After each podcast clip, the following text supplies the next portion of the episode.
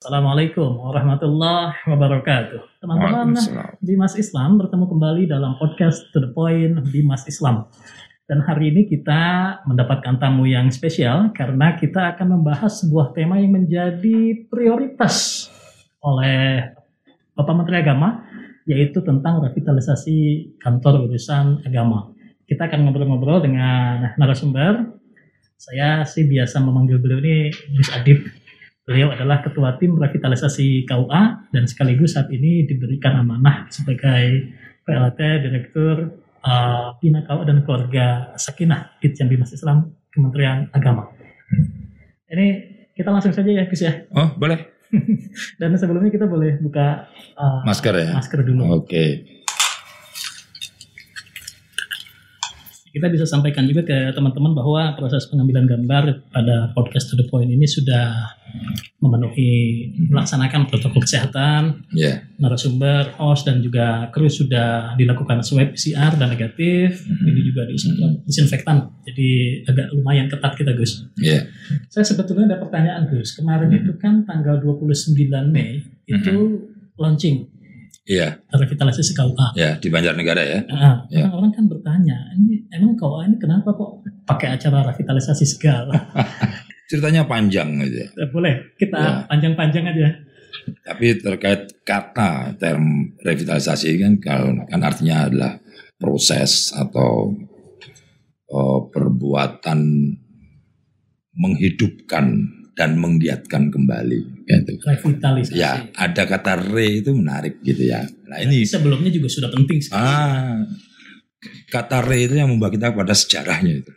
Oke, oke, oke, oke, menarik nih. Sejarah, latar belakang, filosofis, pertimbangan segala macamnya. Nah, kita harus uh, makanya ketika ketika kemarin waktu kita mengadakan rev, apa kick off, kick off di pencanangan di banyak negara, kita sajikan tuh uh, sebuah atraksi wayang uh, apa namanya wayang pasir mm-hmm. dan itu aspek historis dari dari KUA loh. Ya, jadi memang rupanya jejak sejarahnya itu sejak zaman kerajaan-kerajaan di masa lalu. KUA, KUA secara fungsi. Secara fungsi.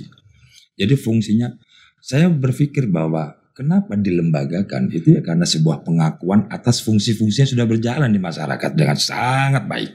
Secara historis secara historis. Sejak zaman kesultanan kesultanan iya betul. KUA KUA gimana? Cerita. Ya namanya macam-macam ya. Penghulu itu menjadi salah satu nama yang paling paling populer, populer ya. Ada tuan kadi ada oh, imam dan sebagainya di berbagai itu. tempat orang di menyebutnya tempat. dengan sebutan berbeda ya. tapi fungsinya sama fungsinya jalan di kerajaan Mataram di masa penjajahan Belanda itu semua fungsi itu tetap berjalan dan menariknya yang di yang diangkat oleh masyarakat menjadi semacam untuk mewakili ke apa ya orang sosok yang untuk memenuhi hajat kehidupan keagamaannya secara umum itu adalah para ulama. Iya. Nah itulah kemudian yang pada zaman uh, penjajahan Jepang itu Jepang mengangkat seorang tokoh nasional yang sudah sangat populer yaitu Hadratus Syekh Hashim As'ari secara formal kakeknya Gus Dur uh, menjadi sumubu. Sumubu artinya penghulu. Oke. Dan nah, penghulu ini kan memang sangat populer di tengah masyarakat sebagai orang yang menjadi tempat bertanya. Iya, kan penghulu. Penghulu itu kan kalau terjemahan secara literal dari Imam Muddin kan. Hmm. Penghulu agama. Iya, iya. Imam ad-din, ya hmm. kan?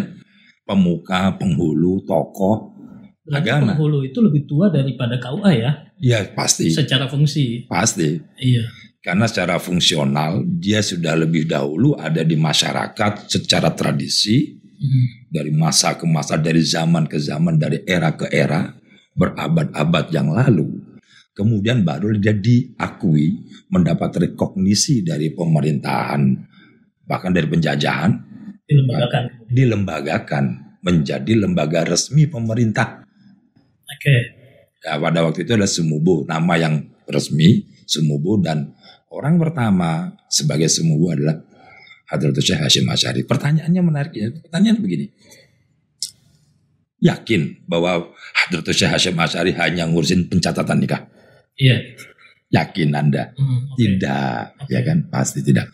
Berarti ketika itu fungsi penghulu besar sekali.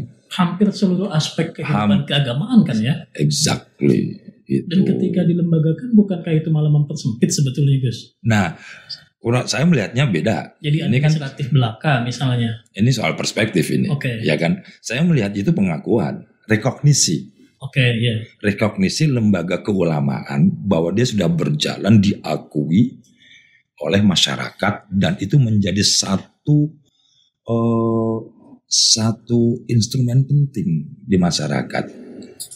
Negara dalam, memfasilitasi. Negara akhirnya harus harus memfasilitasi.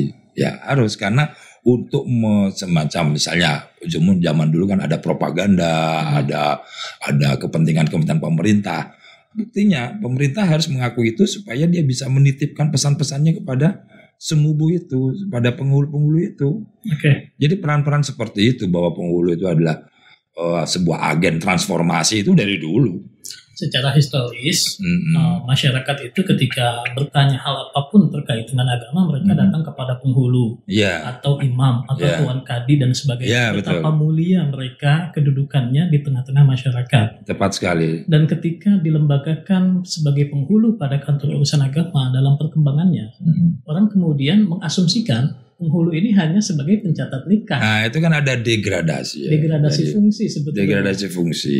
Ya jadi memang menguatnya sistem administrasi, menguatnya oh, aspek-aspek ketertiban dalam kependudukan dan sebagainya, akhirnya memang sebenarnya tidak tidak sengaja hanya itu yang yang menjadi tugas penghulu, tetapi karena itulah yang memang paling signifikan ketika itu dengan ya. bertambahnya penduduk dan sebagainya, ya saya tidak tahu ini harus harus dilatih. Jadi, jadi kayak administratif lah. Ya? Iya, akhirnya kerja-kerja administratif lah yang lebih banyak begitu. Apakah ini yang menjadi landasan filosofis akhirnya perlu ada revitalisasi? Iya, tentu karena satu itu dari aspek sejarah yang seperti itu, terus yang kedua problem agama itu kan luas sekali. Pasti. Ya, sekarang begini, kita harus akui bahwa uh, agama sebagai sebuah domain tersendiri dalam pembangunan ini menyimpan banyak masalah betul potensi. Potensi masalahnya banyak sekali. Okay. perbedaan pendapat itu satu hal itu. Sholat itu belum takbir aja kita udah beda. Gitu. iya. Ada yang sholat ada yang enggak. Terus kemudian adanya hitam putih antara beriman dan tidak beriman. Saya tidak ingin mengatakan kafir. Hmm, ya okay, kan? okay. ini kan ketat itu faktanya ada. Itu fakta. Fakta bahwa pemahaman itu begitu beragam dan akan akan potensial untuk menimbulkan gesekan satu sama lain. Keberagamaan di tengah masyarakat itu menyimpan potensi konflik itu ya, fakta. Itu fakta. Itu okay. fakta dan itu sejak dulu. Oke. Okay. Cuman di masa lalu penyelesaiannya itu dibikin sesederhana ya, dibikin uh, se seringan beda pendapat emang kenapa sih kayak gitu. Hmm. Tapi sekarang rupanya tidak kan sekarang malah jadi iya ini polarisme. Nah ini ini kan PR PR tersendiri ya, PR tersendiri dan itu nanti akan masuk dalam fungsi KUA itu nanti. Nah ini dengan pengakuan, dengan mengakui atau paling tidak memahami, menyadari bahwa agama menyimpan potensi yang begitu besar untuk itu, maka seharusnya harus tangani dengan lebih sungguh-sungguh kan. Dan akhir, ya urusan urusan agama itu kan bukan hanya urusan pencatatan nikah, bukan urusan itu saja kan. Nah, Faktanya juga, fakta yang kedua adalah KUA itu pun mengawal domain ini. Dia kalau boleh dibilang begini, rejim agama itu dipegang oleh Kementerian Agama. Ini ini, ini simplifikasi aja ya. Oke. Simplifikasi. Secara fungsi di ya. negara kita ya yang ya. diberikan amanat untuk rejim keuangan Menteri Keuangan, Kesehatan, ya kan? Menteri Kemenkes. Rejim agama siapa? Kementerian Agama. Nah sekarang outlet Kementerian Agama ada di mana? Outlet kita pahami sebagai bentuk luaran untuk ya kan keluaran dari layanan-layanan keagamaan ada di mana? KUA. Di KUA. Ya, yang orang bersentuhan langsung dengan layanan langsung di bawah ya KUA. Memang kita sengaja membangun KUA di halaman rumah masyarakat. Oke. Okay. Untuk apa coba? Kita bangun KUA di level kecamatan. Untuk apa? Tujuannya apa? Negara ini sudah begitu besar mengeluarkan sejumlah uang hmm. untuk membangun unitnya di kecamatan. Ya kan? Melihat ini, kita harus sadari bahwa ini kantor vertikal loh. Dan menyimpan orang-orang yang paham agama di tingkat kecamatan. Iya itu, itu. Nah, untuk apa itu? Betapa religiusnya negara kita. nah itu dia kan. Pengakuan negara ini terhadap penghulu bukan hanya dari aspek uh, bahwa beliau-beliau di masa lalu itu sudah melaksanakan fungsinya dengan sangat baik, tapi pengakuan terhadap pesan yang dia beliau-beliau sampaikan ada pesan agama bahwa mereka melayani nikah karena secara kultural di masyarakat kita nikah itu peristiwa agama ya. Peristiwa agama. Dan Ketimbang hanya sekedar peristiwa administratif meskipun. Iya, dan salah satu ad-darudatul khamsa. Iya. Ya kan, itu nasal kan. Makanya penghulu punya fungsi itu ya. Itu dia. Nah, oleh karena itu maka penting gitu memper memperkuat peran fungsi KUA ini agar agama ini bisa disajikan ke masyarakat dengan begitu ramah sesuai dengan uh, tujuan umumnya yaitu menciptakan kemaslahatan, mewujudkan kemaslahatan, rahmatan lil alamin lah. Jadi pemerintah memfasilitasi kehidupan beragama sedemikian rupa. Iya. Masih aja ada yang bilang negara kita ini sekuler gitu. Ya. Buktinya kita ini kita ini mengawali mau undang-undang loh, yang yang akarnya itu ada di syariat, ya undang-undang perkawinan, okay. satu, undang-undang zakat, yeah. undang-undang wakaf, undang-undang halal, undang-undang haji. Ini ini masa negara sekuler ngurusin zakat, wakaf, haji di legislasi di hukum nasional. Mana ada negara sekuler? nah, saya tadi saya tadi ingin menyampaikan satu hal lagi mengenai positioning KUA. Ya. Nah, KUA ini kan uh, kantor vertikal yang ada di kecamatan kan. Oke, dari pusat langsung ya, pusat ke bawah. Dan dan tidak banyak loh di Indonesia kantor yang sejenis kayak KUA. Hanya tiga kan. Satu polisi, kepolisian, yang dua TNI, yang ketiga KUA. Selebihnya otonom. Kemenku mungkin ya? Kemenku nggak sampai kecamatan. Oh iya. Ini yang sampai kecamatan. Kalaupun kantor vertikalnya ada, yang lain ada sampai ke kabupaten kota. Iya. Tidak sampai kecamatan. Ada puskesmas tapi kan bukan otonom. Otonom. Di bawah Pemda-Pemda kan. Betul. Begitu pula BKKBN kan. Kalau Kemenag KUA bersama dengan Polsek dan Koramil ya. Iya. Iya. Itu makanya betapa diposisikan sangat penting sebetulnya ya. Benar sekali. Bersamaan dengan pertahanan dan keamanan. Iya, jadi ini posisi yang sangat positioning yang sangat penting. Saya sering berkelakuan begini. Oke, okay, uh, coba pikirkan jika polisi ini terkait dengan tugas fungsi kantor vertikal loh. Hmm. Kalau polisi ngurusin keamanan, ya kan? Ya. Keamanan masyarakat, ketentraman, ketertiban masyarakat TNI mengurusi pertahanan dan keamanan negara. Oke. Okay. Sisanya siapa? Yang mendampingi masyarakat sehari-hari iya. siapa dong? Sisanya siapa? Ipolek Sosbud itu. Iya. Hankamnya sudah putar. Di luar hankam. Iya, di luar hankam. Ipolek ideologi betul supaya sekali. soft terus di masyarakat. Betul sekali. Enggak terus mengulang ideologi kebangsaan iya. kita yang sudah final. Nah, ini ini kita bukan ingin ngerebut domain orang tapi ini saya ingin sampaikan ini untuk menjelaskan betapa strategisnya positioning KUA itu. Nah sekarang dengan positioning yang sangat strategis itu, masa cuma ngurusin pencatatan nikah? Iya, padahal sejarahnya saja sudah... Sejarahnya saja sudah sebegitu. Maka pertanyaan pentingnya tadi itu gitu. Sejak kapan degradasi itu? Sejak kapan? Sejak kapan? Penghulu itu diasumsikan hanya ngurusin pencatatan nikah. Iya. Secara ya. tidak sadar asumsi itu kan terbentuk. Iya. Maka udah oke okay lah. Ya, itu itu mungkin jatahnya para peneliti ya. Bagus juga nih buat bahan penelitian. Ya. iya betul. Sejak kapan itu gitu. Iya. Nah sekarang daripada kita sibuk-sibuk ke situ, kita berpikir saja bahwa ini harus ditransformasi. Eh, uh, Awalnya itu. Okay. Kita harus melakukan transformasi uh, terhadap KUA KUA bahwa mereka ini adalah representatif dari negara ini. Jadi kalau dalam preambul ya, mukadimah itu kewajiban negara adalah melindungi segenap warga negara, maka tugas uh, negara itu siapa yang melaksanakan? Harus ada orang-orang. Harus ada orang-orang yang melaksanakannya, yaitu ASN itu kan, ya. aparatur sipil negara. Nah KUA itu ya adalah salah satu dari ASN itu. Jadi sebenarnya secara fungsional KUA ini menjadi wakil negara. untuk memberikan pelayanan bagi masyarakat di bidang itu tadi keagamaan. Tiap kecamatan. Nah, cara pandang ini ya, cara pandang ini bahwa dia satu dia wakil negara, dia kantor vertikal yang ada di kecamatan itu dan dia juga me mengawal beberapa undang-undang tadi yang ujungnya adalah berupa pelayanan kepada masyarakat, maka mau nggak mau kau harus harus uh, direvitalisasi Begitu.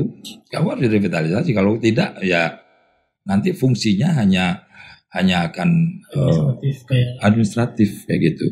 Jadi goals revitalisasi ini salah satunya juga untuk mengembalikan mindset masyarakat bahwa pelayanan di KUA itu sebetulnya demikian luasnya. Luas banget sebenarnya konsultasi syariah juga bimbingan agama iya. mau konsultasi zakat wakaf juga sebetulnya bisa di KUA. Ya memang harus direvitalisasi. Aliran paham keagamaan Islam, semuanya. Mitigasi konflik, semuanya. Fakta bahwa dia punya posisi yang sangat strategis ada di halaman rumah. Kalau nggak boleh dibilang di tengah-tengah masyarakat akar rumput. Oke. Okay. Itu luar biasa. Begitu masyarakat buka pintu, sebetulnya potensi konflik mereka dari sudut pandang sikap keberagamaan itu sudah ya. ada ya Ya gampangnya gini. Wajah Menteri Agama itu yang paling dekat dengan masyarakat itu siapa? Dari mana masyarakat bisa membayangkan kemenak itu kayak apa? Melalui apa? Iya. KUA-nya. Menteri Agama dekat kecamatan. Iya. Seperti itu. Jadi gagasan tentang revitalisasi itu akhirnya menjadi sebuah keniscayaan. Gitu ya. Ya, sekarang bayangkan ya, dari sekian banyak kita punya PMA 34 betul? Ya. 34 2016 kan ada 10 fungsi. 6 di antaranya adalah pelayanan. Ya kan? Nah sekarang pertanyaannya begini. Pelayanan mana di KUA yang paling berkembang? Pelayanan nikah. Pasti. Dialah yang paling berkembang dari sejak regulasinya, instrumennya, pengukuran, penilaian dan sebagainya. Bahkan masyarakat tahunya kalau itu nikah aja. Sampai penilaian kepuasan masyarakatnya ada. Okay. Tapi bagaimana dengan layanan yang lain? Okay. Tidak berkembang. Contoh yang paling dekat adalah wakaf. Di mana PPAIW itu ex officio melekat pada kepala KUA. Berkembang? Belum. PPAIW itu pejabat pembuat akta ikrar wakaf. Iya, PPAIW ya. ya. Uh, hasilnya adalah dokumen akta ikrar wakaf dan akta pengganti akta ikrar wakaf. Inilah yang menjadi dokumen legal sah yang dapat menerbitkan sertifikat tanah wakaf itu. Tanpa adanya ini, sertifikat tidak akan diterbitkan oleh Dasar BPN. diterbitkan. Dasar diterbitkan oleh BPN iya. adalah ya. akta ikrar wakaf atau APIW ya. Ya, ada ikrar itu. Dan itu fungsinya dilaksanakan oleh kepala kepala kawah. Nah, ini belum berkembang. Buktinya apa? Banyak sekali sekarang tanah wakaf tanah wakaf yang hilang. Iya rawan gugatan, Betul. peruntukannya berubah dan sebagainya. Ini ini teman-teman di wakaf sedang kerja keras ini untuk Betul. mengembalikan lagi fungsi itu. Betul. Gitu. Nah jadi memang kita kita sudah terlalu lama membiarkan fungsi-fungsi KUA yang sangat penting itu terbengkalai. Berarti sesungguhnya revitalisasi KUA itu bukan melahirkan hal baru ya, tapi bukan. mengingatkan kembali. menghidupkan kembali Iya, mengingatkan ya kan? kembali fungsinya, iya. mengingatkan kembali kepada publik. Ya? Iya, menghidupkan kembali, menggiatkan kembali fungsi-fungsi yang sudah tidak di tidak terurus karena karena terlalu kalau bahasa Jawanya itu ketungkul itu apa? Dikalahkan oleh fungsi yang administratif itu. Jadi Pak Menteri sekarang ini manasin lagi ya? Iya. Ayo dong, ayo dong gitu ya. Jadi sudah terlalu lama KUA ini tidak berfungsi menjadi kantor layanan publik yang sesungguhnya tapi ber, berubah menjadi kantor administratif. Itu. Sudah terlalu lama. Kayak kantor catatan. Ya aku sering begini. Ini ini sekedar contoh contoh kasus. Aku sering mengutip uh, pasal 1 undang-undang 174 tentang perkawinan. Tentang perkawinan. Nah itu kan pasal satunya itu uh, penjelasan tentang uh, pengertian perkawinan. Hmm. perkawinan ialah ikatan lahir batin antara seorang pria dan seorang wanita sebagai suami istri. Nah, eh, itu pengertian perkawinan. Berikutnya ada tujuan perkawinan dengan tujuan membentuk keluarga atau rumah tangga yang bahagia dan kekal berdasarkan ketuhanan yang maha esa. dari pasal ini, kalau kita eh, perspektif kita adalah bahwa kita mendapatkan mandat untuk pelaksanaan Undang-Undang 174 yang uh, amanat pengawalannya ada pada Kementerian Agama. Itu deep banget ya. Iya, maka pertanyaannya seperti ini. Pertanyaannya yang paling relevan adalah sudah sejauh mana kita membantu masyarakat mewujudkan perkawinan sebagaimana pasal satu ini. Perkawinan masyarakat adalah ikatan lahir batin, batin sebagai suami istri dengan tujuan membentuk keluarga yang bahagia dan kekal berdasarkan Tuhan yang Maha Sejauh mana kita membantu mereka? Iya. Ternyata kita ini baru sampai di mewujudkan ikatan lahir titik. Iya. Belum batinnya. Oke. Okay. Buktinya apa? Buku nikah. Buku nikah itu hanya ikatan lahiriah. Tidak ada cerita buku nikah dapat meningkatkan harmonis rumah tangga itu nggak ada. Nggak ada cerita orang lagi berantem suami istri tunjukin buku nikah. Oh iya, astagfirullah. Yang ada adalah buku nikahnya masih terjaga, tapi ikatan batinnya sudah hancur lebur. Yang satu entah di mana, tapi karena akibat buku nikahnya masih terjaga, dia nggak bisa dikatakan bercerai ikatan lahirnya masih terjaga dengan sangat baik. Padahal batinnya sudah berpisah. Batinnya sudah enggak karu-karuan. Negara di situ ya baru sebatas seperti administratif saja. Iya, makanya di sini kau akhirnya kita latih untuk mengembangkan fungsi-fungsi layanan yang dapat membantu masyarakat menumbuhkan ikatan batiniahnya. Termasuk BIMWIN itu ya? Termasuk BIMWIN membangun relasi harmonis, mengolah keuangan keluarga, konsultasi perkawinan dan keluarga dan lain-lain. Ini berjalan, guys. Sudah berjalan. Di banyak. Ya. Nah ini salah satu contoh saja hmm. bahwa revitalisasi itu memang sangat dibutuhkan. Substansial sekali ya. Substansial banget. Itu mau nggak mau ini ini kan niscayaan. Itu kan baru satu contoh juga ya. Iya. Belum lagi kalau kita mengevaluasi bukan mengevaluasi apa dong namanya melihat apakah layanan kawal itu sudah sesuai dengan perkembangan zaman yang demikian cepat. Ya belum. Ya itu satu hal juga itu. Contoh misalnya kita udah membangun SBSN. Gedung, gedung, gedung KUA melalui SBSN bagus-bagus begitu. Coba bayangkan apa yang orang pikirkan ketika lewat ke KUA itu. KUA-nya bagus, apa yang dia pikirkan? Wah KUA-nya bagus ya. Manfaatnya apa buat kami? Emang kalau gedung kawannya bagus, ngefek gitu. Iya. iya kan? Lumayan lah pas ke sana ada AC-nya dingin gitu. itu itu hal-hal seperti itu, fakta-fakta seperti itu memang mau nggak mau kita harus ikuti dengan merevitalisasi fungsi-fungsinya. Jadi revitalisasi ini tadi masalah fisik infrastruktur juga termasuk bagian yang menjadi concern untuk ditingkatkan kualitasnya, mm -hmm. pelayanannya juga. Mm -hmm. Ya, jadi uh, revitalisasi itu me mengantarkan sebuah visi dan misi. Aspek apa aja sih Gus yang di ya. di revitalisasi? Sebelum ke situ aku mau jelasin bahkan ada visi dan misi Menteri Agama di dalam revitalisasi ini yang yaitu mewujudkan kau pelayanan uh, pelayanan KUA mewujudkan KUA sebagai pusat pelayanan keagamaan yang prima. Kalau nggak salah ada materi ya, ini bisa di. Gitu. Jadi KUA sebagai pusat layanan keagamaan yang prima. Prima itu unggul, excellent gitu ya, berkualitas tinggi itu prima. Kredibel. Prima, kredibel. Nah kredibel ini uh, terkait dengan SDM-nya. Petugas penyedia layanannya itu kredibel dapat dipercaya, dapat diandalkan, hasil kerjanya valid. Mm-hmm. Misalnya menerbitkan buku nikah, buku nikahnya sah. Asli. Asli, nggak ada salah cetak, nggak ada salah ketik, namanya sesuai dengan uh, ya, sesuai pas. dengan uh, data-data iya. kependudukannya ya. Bukunya asli, tanda tangannya asli, stempelnya asli, kredibel gitu. Hasilnya tuh kredibel. Prima, prima, kredibel dan yang ketiga moderat. Ya. Moderat. Ya, moderat itu ya tadi itu wakil negara dia harus moderat, dia harus tidak memihak, dia harus bersikap adil, seimbang, tidak memihak ke kiri, tidak memihak ke kanan. Semua warga negara dia layani Begitu, ini dulu. Allah harus melayani semua semua warga negara, apa pun afiliasi keagamaan dia. Persis. Karena negara tidak boleh berlaku diskriminatif. Saya sering saya sering tidak basa-basi. Saya tidak pernah basa-basi menjelaskan ini. Saya ambil contoh yang sangat vulgar Ahmadiyah. Oke. Okay. Meskipun ada fatwa MUI tentang sesatnya Ahmadiyah, selama KTP-nya tertulis Islam, administratifnya dia Islam. Maka dia harus dilayani oleh KUA. Karena dia Islam. Karena dia Islam.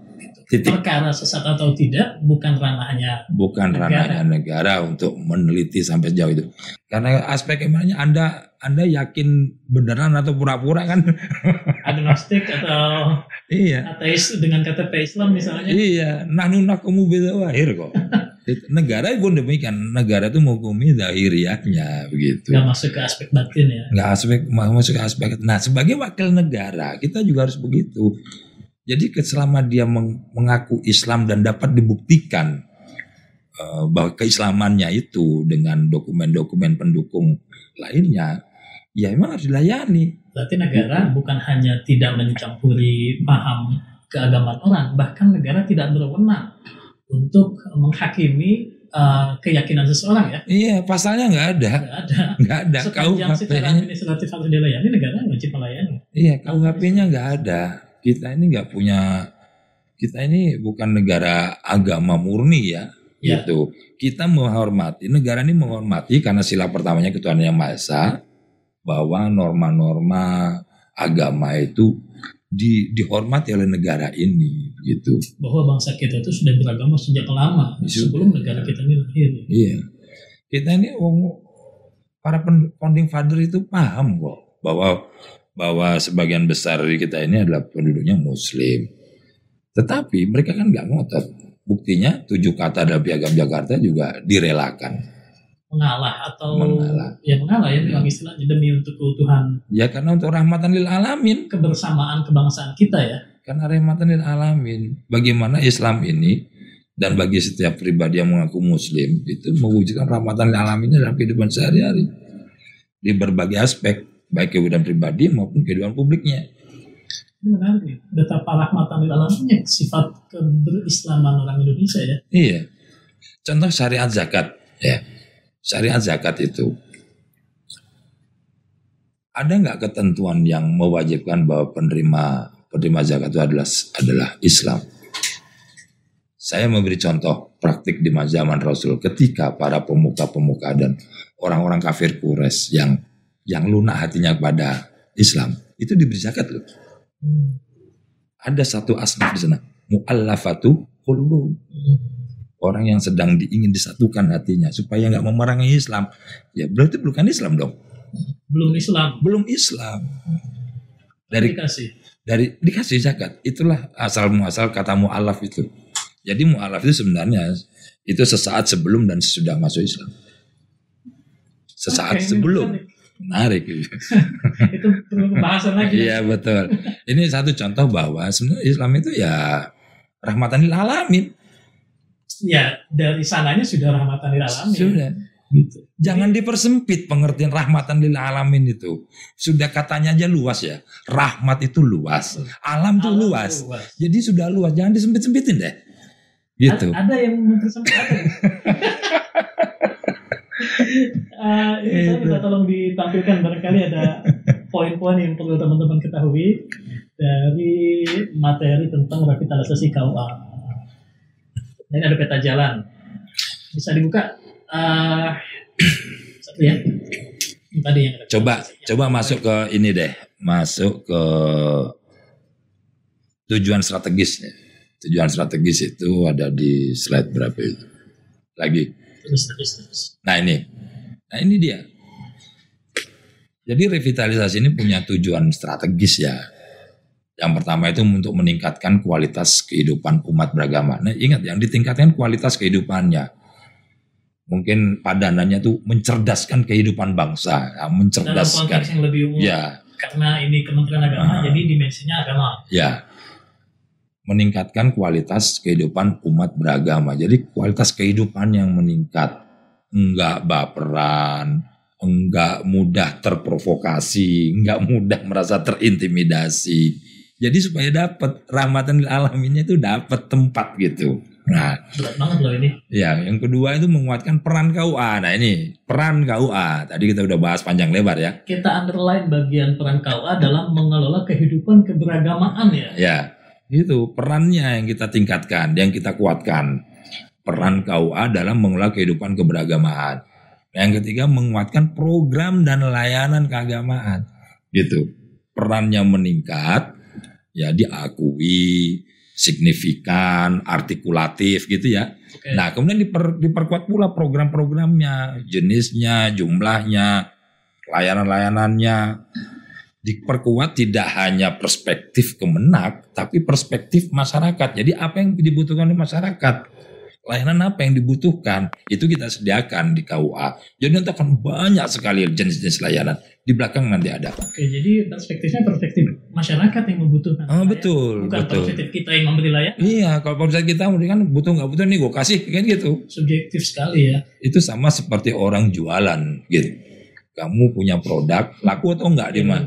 Iya. Benar-benar. Saya gitu. mau jualan lipstick, jualan bedak. Ternyata di situ nggak butuh. Nggak butuh. Tapi yang penting saya layanin lah gitu ya. ya Akhirnya udah. jadi nggak fungsional ya. Ya. Nah yang keempat meningkatkan kapasitas kelembagaan KUA. Sebagai apa? Pusat layanan keagamaan. Nah ini kapasitas kelembagaannya. Jadi menguatkan. Itu pusaka itu ini ya? Ya betul. Layanan keagamaan. Pusat layanan keagamaan. Jadi kapasitas kelembagaannya diperkuat, sarprasnya, fisiknya, BOP-nya, sistemnya, regulasinya dan sebagainya. Ini penting. Gitu. Jadi dari keempat tujuan strategis ini banyak sekali pekerjaan-pekerjaan yang harus dilakukan. Mulai banyak dari dong. ini kalau tiap poin di breakdown banyak banget nih pasti ya. Iya. Peningkatan kualitas kehidupan beragama itu. Iya. Tapi semua bermuara pada KUA. Saya sering menganalogikan hanya orang yang memiliki sesuatu dapat memberikan sesuatu. Kalau kita tidak memiliki sesuatu yang akan kita berikan, mau ngasih apa? Hanya orang yang punya yang bisa memberi. Hanya orang yang punya yang bisa memberi. Kalau dalam bahasa fikih itu milkut tam, milik penuh. Maka barang pinjaman nggak boleh diberikan ke orang lain. Hmm. Karena bukan miliknya. Hmm. Ada ada ada kiai itu yang Kiai Hamid saya ingat itu ketika Kiai Hamid itu salah seorang kiai yang tidak mau menerima sedekah jika itu dari hasil berhutang. Ya mau menerima sedekah? Hasil hutang. Orang lain mau sedekah, hutang dulu. Saya mau sedekah kepada beliau, tapi ya, saya hutang. Uh, Karena itu belum milik saya. Belum mau. Belum milik hutang, hanya milik penuh yang dapat diberikan. Uh -huh. Beliau nggak mau. Gitu. Sodako itu jangan ber, jangan utangan, barang utangan. Kalau dia belum mampu sedekah ya, ya nggak usah. ya. Wong, wong tersenyumanmu itu sudah sedekah.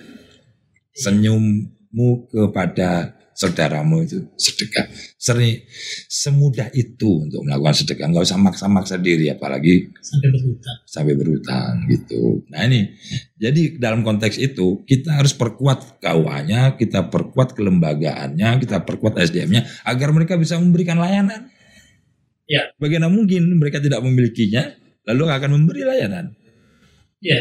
Maka harus capacity buildingnya, bahkan dari perspektifnya, paradigma mereka. Bagaimana mungkin akan memberikan layanan terima kalau mereka tidak terima? Iya, bagaimana memberi meningkatkan kualitas kalau mereka sendiri tidak berkualitas? Nah, ya gitu. Iya, peningkatan kapasitas kelembagaan itu kalau mereka tidak berkapasitas. Iya kan? Itu. Oke, boleh lanjut mungkin ya? Ah, boleh. Nah, selanjutnya itu mungkin. Ini penting nih teman-teman KUA, uh, penghulu, penyuluh juga ya karena penyuluh ya memang ketika kita membahas KUA maka kita tidak boleh melupakan fungsi penyuluh. Dia adalah anak kandung kita semua penghulu dan penyuluh itu anak kandung Kementerian Agama yang diletakkan di KUA kecamatan. Maka dua-duanya harus kita perhatikan secara adil. Mereka berkantor di KUA berkantor di KUA oke. Okay. kita udah lama ya saya sendiri kalau membintek itu yang diundang ya penghulu dan penyuluh. Tidak boleh ada tidak uh, ada pembedaan di situ. Pembedaan. Ya. Barangkali nanti pada perbedaannya ada pada pada aspek-aspek yang spesifik Kalau ketika pengakuan sama ya. Ya. Dua-duanya adalah hmm. uh, perpanjangan tangan dari perpanjangan tangan Kementerian Agama. agama ya. ya. Nah ini perspektif yang kita gunakan. Jadi Bima Islam punya perspektif untuk melihat uh, peran fungsinya. Hmm. Yang menarik itu angka satu. Kita gunakan surah At-Taubah 128. Ini ayat Karena sudah. Podcast kita ada pengajian tentang dasar-dasar yang lebih filosofis dulu dari perspektif Islam ya. Iya, ini, ini menarik loh. Ayat apa? Angka satu itu. At-Taubah 128 itu ayat yang sudah sangat populer. Itu kan tentang sifat Rasul ya. Hmm. Jadi jakum rasul anfusikum azizun alaihi ma'anittum harisun alaikum bil mu'minina raufur rahim. Itu kan populer banget itu. Hmm. Hafal semua. Tetapi di situ ternyata ada makna layanan publik. Wah, jadi seru deh. Jadi begini. Tafsir ayat dengan layanan publik nih ya, Jadi gini. Allah menciptakan khalifah fil ard. Oke. Okay. Ya kan? Khalifah fil ard pengelola bumi. Oh, ya. Nah, bagaimana pengelola bumi itu? Allah memberikan contohnya. Dari siapa? Para rasulnya. Ya. Nah, untuk kami kita ros, uh, teladan kita adalah Nabi Muhammad. Ya. ini ayatnya. Mm-hmm. Jadi telah datang, sungguh telah datang kepadamu lakot jahakum rasulun min anfusikum dari golonganmu, bangsamu sendiri. Sehingga kamu bisa meneladaninya. Kamu nggak susah-susah karena sama-sama manusia kayak kamu. Iya. Gitu ya. Tuhan nah, mengutus kepada manusia itu manusia. Manusia gitu. Nah bagaimana sifatnya? Azizun alaihi ma'anitum. Tidak tega melihat penderitaan kalian. Gitu. Itu sifat Rasul yang pertama.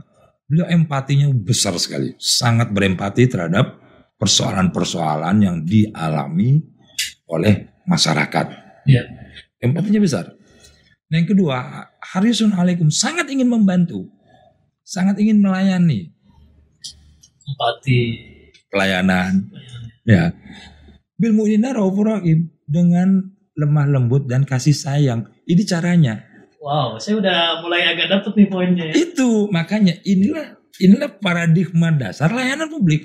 Pertama, kalian harus empati. Ya, ini Tan bagus buat tulisan di jurnal. Layanan publik berbasis agama nih ayatnya di sini. Mengapa perspektif masyarakat yang dipakai? Karena empati. Iya. Empati itu bukan dari diri kita. Ini kan ayat ini perspektifnya perspektif masyarakat. Masyarakat, betul. Penderitaannya, kebutuhannya. Iya, iya. Jadi empatinya besar melihat penderitaan masyarakat, melihat persoalan yang diderita atau dialami oleh masyarakat, Kemudian yang kedua sangat ingin membantu, menolong kalian. Artinya pelayanan. ada layanan di situ. Muncullah layanan. Caranya apa? Bil mu'minina raufur rahim. Jangan kasar, harus lemah lembut, harus baik. Memberikan kenyamanan, layanan prima tadi. Gitu. Ini atau 128. Okay. Ini ayat ayat layanan publik. Harusnya jadi motonya Bimas Islam nih. Ayat ini. itu kan. Nah, barulah yang nomor 2 3 4 make sense. Bimas Islam adalah wakil negara gitu yang memiliki mandat melayani masyarakat gitu.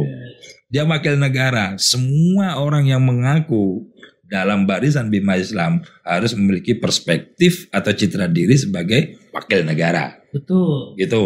Jangan sampai pegawai Mas Islam justru tidak mewakili atau tidak merepresentasikan pegawai pemerintah. Itu dia. Sadarlah. ya, negara tidak melihat uh, perbedaan satu persatu. Dia ke kemaslahatan secara umum. Semua atas nama uh, warga negara ya harus dilayani. Yang ketiga, Bima Islam mengayomi semua umat Islam. Ya termasuk kelompok-kelompok dan aliran-aliran gitu. Semua pilihannya Bima Islam. Karena wakil negara tadi, karena At-Taubah 2128 itu. Ini bahasan kita luar biasa ya. Saya kira ngebahas revitalisasi keuangan. Setengah jam cukup, ini udah satu jam. nah kita lanjut nanti di part 2 mungkin ya. Jadi nanti videonya kita buat dua part karena saya pengen mengeksplor lebih banyak sebetulnya. Boleh. Ya, tentang revitalisasi kalau. Jadi sementara kita kelas dulu untuk sesi ini terkait dengan pembahasan mengenai revitalisasi KUA. Terima kasih kepada teman-teman yang sudah menyaksikan podcast To The Point di Mas Islam. kepada Kusdir. Thank you sudah bergabung dengan kita dan kita sama-sama. Mudah-mudahan bermanfaat ya. Pasti bermanfaat ya. Teman-teman jangan lupa like, comment, dan share video ini sehingga manfaat dari video ini dapat dirasakan oleh lebih banyak orang. Terima kasih. Sigit Kamseno pamit. To the point Bimas Islam akan kembali lagi pada sesi berikutnya. Assalamualaikum warahmatullahi wabarakatuh. Waalaikumsalam warahmatullahi wabarakatuh.